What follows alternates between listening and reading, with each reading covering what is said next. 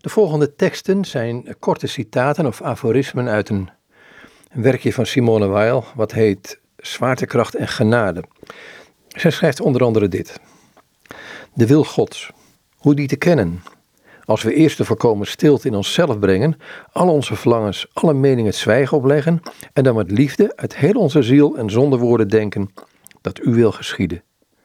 En wat men dan zonder enige aarzeling voelt te moeten doen, zelfs als het in zekere opzichten fout zou zijn, dat is Gods wil. Want als wij hem brood vragen, geeft hij geen stenen. Volgend aforisme uit het boekje is ook van haar. In een hoofdstuk over ongeluk zegt zij: Het ongeluk dwingt ons datgene reëel te erkennen wat we niet voor mogelijk hielden. Over het kruis zei ze het volgende. Toen Christus de zieke genas, de doden ten leven wekte, vervulde hij daarmee het nederigste menselijke, bijna lage deel van zijn missie. Het bovennatuurlijke deel bestond uit het zweten van bloed, het onvoldane verlangen naar menselijke vertroosting, zijn smeekbeden om gespaard te mogen worden, het gevoel van door God verlaten te zijn. En welk een diepte van liefde van beide zijden die verlatenheid op het hoogste moment van de kruisiging. Mijn God, mijn God, waarom hebt gij mij verlaten? Daar ligt het waarachtige bewijs dat het christendom iets goddelijks is. Om tot de rechtvaardigen te behoren, moet men naakt en dood zijn, zonder inbeelding. Daarom moet ook het voorbeeld van de gerechtigheid naakt en dood zijn. Alleen het kruis is niet in staat tot een ingebeelde imitatie. Het voorbeeld van een rechtvaardig mens is nodig, opdat de navolging en nabootsing van God niet een ijdel woord blijven. Maar om niet buiten de grenzen van onze wil gevoerd te worden, is het nodig dat wij in staat zijn Hem niet te willen nabootsen. Het kruis kunnen wij niet willen. Dan uit het hoofdstukje Weegschaal en Hefboom het volgende. Niet oordelen, en dat op de manier van de Hemelse Vader die niet oordeelt.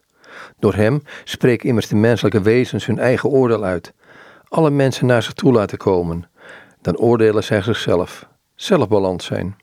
Dan zullen wij niet geoordeeld worden, opdat wij een afbeelding geworden zijn van de werkelijke rechter, die niet oordeelt. Uit het hoofdstukje Het Onmogelijke. Het menselijke leven, zegt Simone Weil, is onmogelijk. Maar alleen het ongeluk maakt het voelbaar. Uit het hoofdstukje Die wij beminnen moeten is afwezig. Wie zijn leven legt in zijn geloof aan God, kan zijn geloof verliezen. Maar wie zijn leven legt in God zelf, die zal zijn geloof nooit verliezen. Wij moeten dus ons leven leggen in wat wij in het geheel niet kunnen bereiken. En dat is onmogelijk. Het is een manier van dood zijn. En dat moet nu juist. Uit hetzelfde hoofdstuk. Hij spot met het ongeluk van onschuldigen, Gods stilzwijgen. Het lawaai op aarde bootst die stilte na. Het bedoelt niet iets te zeggen, Pas als wij in het diepst van ons wezen behoefte hebben aan een geluid dat wel iets zegt, als wij schreeuwen om een antwoord en als we dat antwoord niet krijgen, raken wij God zwijgen. Gewoonlijk trachten onze verbeelding woorden te leggen in geluiden, zoals wij, lui en bij wijze van spel, vormen trachten te zien in rookwolken. Maar als wij te afgemat zijn en geen moed meer hebben om te spelen, hebben wij echte woorden nodig. Wij schreeuwen om die woorden. Die kreet verscheurt ons binnenste. Maar wat wij verkrijgen is stilte. En dan een aforisme uit interpreterend lezen. Gerechtigheid. Voortdurend bereid zijn om toe te geven dat een ander iets anders is dan wat wij in hem lezen, wanneer hij ter plaatse is. Of als we aan hem denken. Of liever nog, eruit lezen dat hij zeker iets anders is. Misschien heel iets anders of wat wij in hem lezen. Ieder mens schreeuwt in stilte om anders gelezen te worden.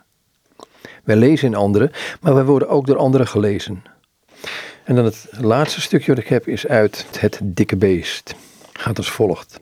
De dienst aan de valse god, het sociale beest in willekeurig welke vorm van incarnatie, zuivert het kwade door de afschuw van weg te nemen. Niets lijkt slecht te zijn aan wie dit beest dient, behalve tekortkoming in die dienst.